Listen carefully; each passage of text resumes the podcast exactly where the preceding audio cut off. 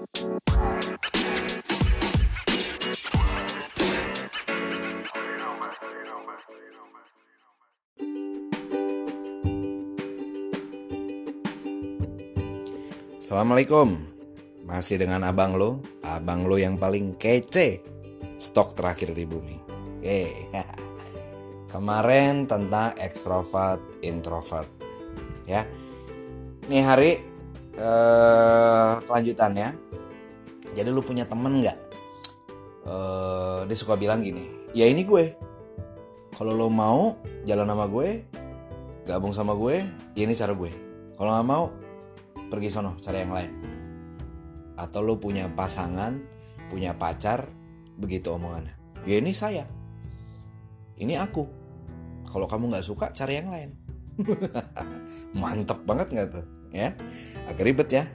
Nah jenis makhluk apakah ini?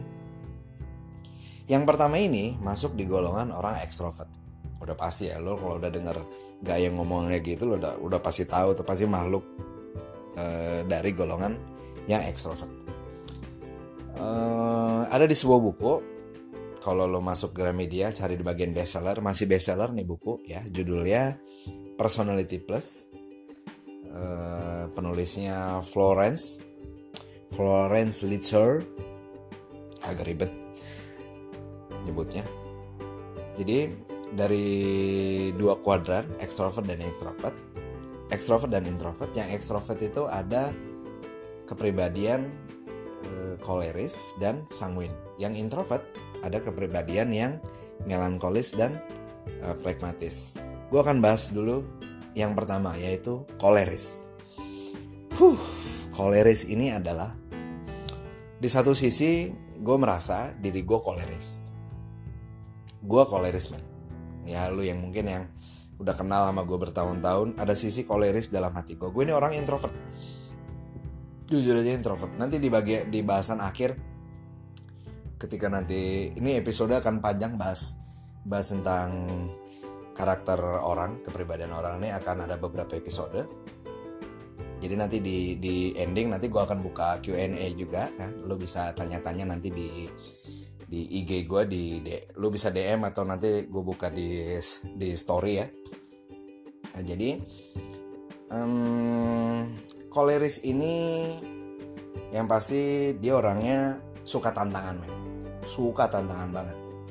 Kalau ngomong sama orang koleris uh, kalau lu memimpin satu organisasi atau lu punya geng gitu jangan sekali-sekali kalau lu lu udah tahu dia koleris. Setelah lu denger gue atau lu udah tahu sebelumnya bahwa dia ini koleris dan sekali-sekali lu bilang ah lu mah nggak bisa nggak mungkin. Atau lu jangan sekali-sekali merendahkan orang koleris di hadapan uh, orang lain.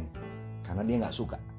Bener-bener dia nggak suka. Bahaya banget lu kalau misalnya ngambil keputusan untuk menjelekan orang koleris di hadapan orang sekitar ya orang lain tuh ya karena orang koleris orang yang suka berpetualang. Dia orang suka tantangan. Jadi kalau misalnya lo mau mengambil mengambil energi dia, ini orang energinya kepemimpinan banget. Suka memimpin, terus suka tantangan, suka mencoba hal-hal yang baru seperti itu. Ya. Jadi itu turunan dari ekstrovert tuh, suka mencoba hal-hal yang baru itu turunan dari ekstrovert. So, um, lu lebih baik menggunakan kalimat-kalimat seperti ini. Gua tahu lagi harus uh, minta bantuan siapa. Karena dalam pikiran gue ketika kita ada tugas ini gue cum yang yang gue percaya kayaknya cuma lu deh. Karena gue yakin lu bisa jalanin ini. Hmm, orang koleris langsung terbang tuh itu kayak keluar sayap dari pundak. itu terbang seperti itu. Jadi lu lebih baik menggunakan kalimat-kalimat seperti itu. Agak di di di tinggi tinggiin dikit itu orang koleris ya. Selanjutnya dia punya PD yang kencang banget. Uh, dia stubborn. Ya keras kepala. Kurang simpatik. Kurang simpatiknya gini. Uh, tipikal ini tipikal orang orang ekstrovert ya. Jadi orang ekstrovert adalah uh, tipikal orang-orang yang nggak bisa jadi tempat uh, buat curhat. Yang pertama orang orang koleris kalau lu curhatin dia lebih cenderung karena dia emang tipikalnya menjadi decision maker jadi dia bukan yang tipe mendengarkan orang lain tapi lebih banyak dia yang berbicara. Nah sedangkan kalau untuk eh, mendengarkan curhat kan harusnya lebih banyak dengerin orang kan ya bukan yang berbicara. Jadi kalau lu curhat sama orang koleris dia nggak bakal tahan dengerin lu beneran. Dan dan mimik mukanya itu yang tidak mengenakan. Sedangkan kita untuk untuk uh, sesi curhat itu kan uh, di bagian ilmu psikologi ketika kita curhat kan kita harus memenuhkan uh, memberikan 100% penuh uh, body language kita harus ke arah arah tempat orang yang curhat mimik muka dibuat sebisa mungkin memang mengikuti mimik dia. Ya mangkisi maki dulu kurang lebih seperti itu. Kalau kalau lo tahu tentang ilmu psikologi So orang koleris nggak bisa melakukan itu. Dia kan nggak tahan menahan mulutnya untuk oke okay, oke okay, gue tahu masalah lu. Pasti seperti itu. Oke okay, gue gue tahu gue tahu gue tahu. Soalnya ini gue potong ah lala seperti itu yang dia lakukan. Dan bukannya memberikan solusi. Dan role-nya adalah ketika lo eh, dapat sometimes lo mungkin dapat curhatan dari orang lain. Rules-nya adalah ketika orang curhat orang mencurahkan hati eh, peras apa eh, permasalahan dengan lu sebenarnya dia nggak perlu solusi. Karena apa? Dalam sepanjang dia curhat tersebut dia akan menemukan solusi. Jadi curhat itu seperti hanya menumpahkan aja.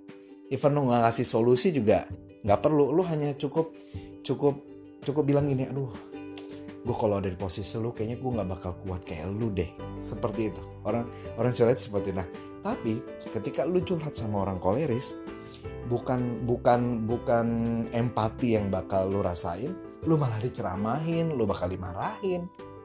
Tuh. Terus lu bakal kesel sama sama temen lu yang koleris. Kalau kata gue lu aja yang salah cari tempat curhat. Semoga lu setelah dengerin gue lu lu notice gitu oh pantesan gue curhat ke sini kok bukannya dapat solusi tenang malah bakal dimarahin. Nah seperti itu ya lu nya aja yang harusnya paham lu aja yang harusnya tahu uh, pindah tempat curhatan seperti itulah kurang lebih ya.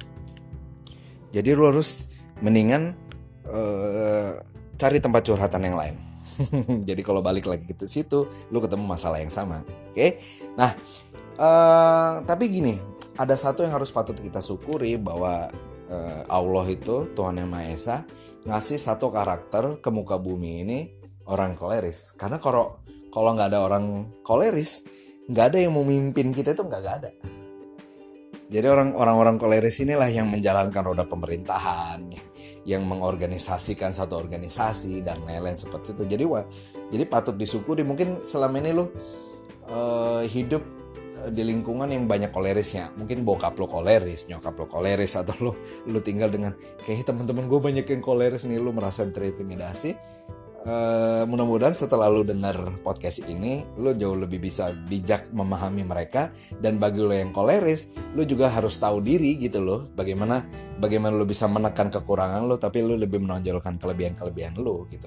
Semoga sih podcast ini gue buat uh, buat itu tujuannya. Oke? Okay? Ya. Um,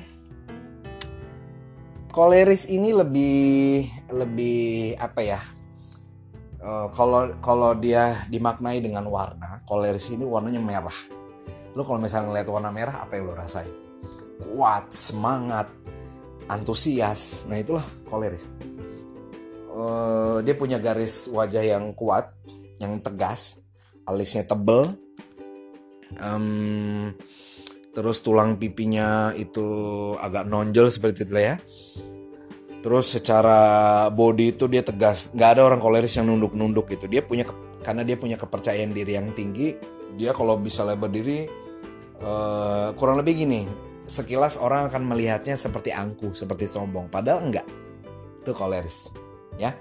Um, dia punya semangat juang yang luar biasa. Um, terus kurangnya koleris apa? Dia itu suka bosi, suka ngatur-ngatur jarinya tuh panjang. Jadi dia suka ngatur lu ke sini lu ke sini lu ke sini lu ke sini lu ke sini. Kalau lu punya bos di kantor kebetulan bos lu koleris siap-siap. Setiap ketemu dia yang bakal dia tanyain dia tanyain apa? Tugas tugas tugas dan tugas. Kurangnya koleris nih dia kurang berempati. Susah berempati. Bagi koleris yang mau belajar nah itu tujuan gue buat podcast ini uh, orang-orang koleris lo semua yang koleris lu baiknya belajar ya karena apa? Memang orang koleris itu kurangnya di situ. Susah berempati. Tapi butuh butuh ini aja kok butuh pembiasaan aja. Kalau lo terbiasa empati mungkin bertanya sesekali bertanya nggak hanya nggak hanya tugas terus yang ditanya mungkin suasana kantor uh, suasana tim kerja lo suasana organisasi lo suasana rumah tangga lo suasana hubungan lo jauh lebih jauh lebih adem jauh lebih enak dan akhirnya kalau organisasi itu produktivitasnya meningkat kurang lebih seperti itu. Uh, kalau urusan inisiatif uh, koleris nggak usah ditanya. Lu kalau dalam satu kelompok lu isi 10 koleris lu satu aja selesai. Tugas pasti selesai. Karena apa? Koleris itu nggak nggak nggak ada yang nunda-nunda dan lain-lain. Koleris itu selalu terburu-buru. Dia mainnya waktu. Apalagi kalau misalnya pasangannya koleris melankolis. Wah udah selesai. Itu tugas beres semua pokoknya eh uh, di tipe penggerak. Dia nggak bisa berempati. Tadi udah gue bilang. Um, kalau untuk pribadi lo yang koleris yang saat ini dengerin gue karena ilmu kepribadian ilmu karakter ini eh, nggak uh, bisa yang lo dengerin podcast gue terus lo baca buku lo dapat ilmu dari ini dengerin ini nanya ini segala macam terus lo cuma tahu oh uh, gitu ya bahwa gue ini begini ya terus kurangnya ini ya dan lain-lain. Tapi lo nggak mencoba melakukan hal-hal yang baru gue tahu rasanya susah gue tahu rasanya susah tapi lo harus coba men. Demi apa? Demi kelangsungan hidup yang jauh lebih baik di hubungan di karir dan lain-lain. Ya oke para koleris yang dengerin gue sore hari ini yang dengerin podcast ini gue tag lagi sore-sore ini. Uh, lo harus uh, pandai menyiasati hidup lo lo harus sedikit Uh, mudah-mudahan setelah dengar podcast Koleres ini nanti gue buka Q&A juga lo boleh tanya-tanya mungkin ada di episode berikutnya jawaban-jawabannya uh, lo berubah men lo lo pelajari lo tahu kekurangan lo lo tajamkan kelebihan lo lo tekan kekurangan lo Oke, okay, selamat mencoba koleris-koleris di luar sana. Thank you udah dengerin gue, Bang Andre sign out.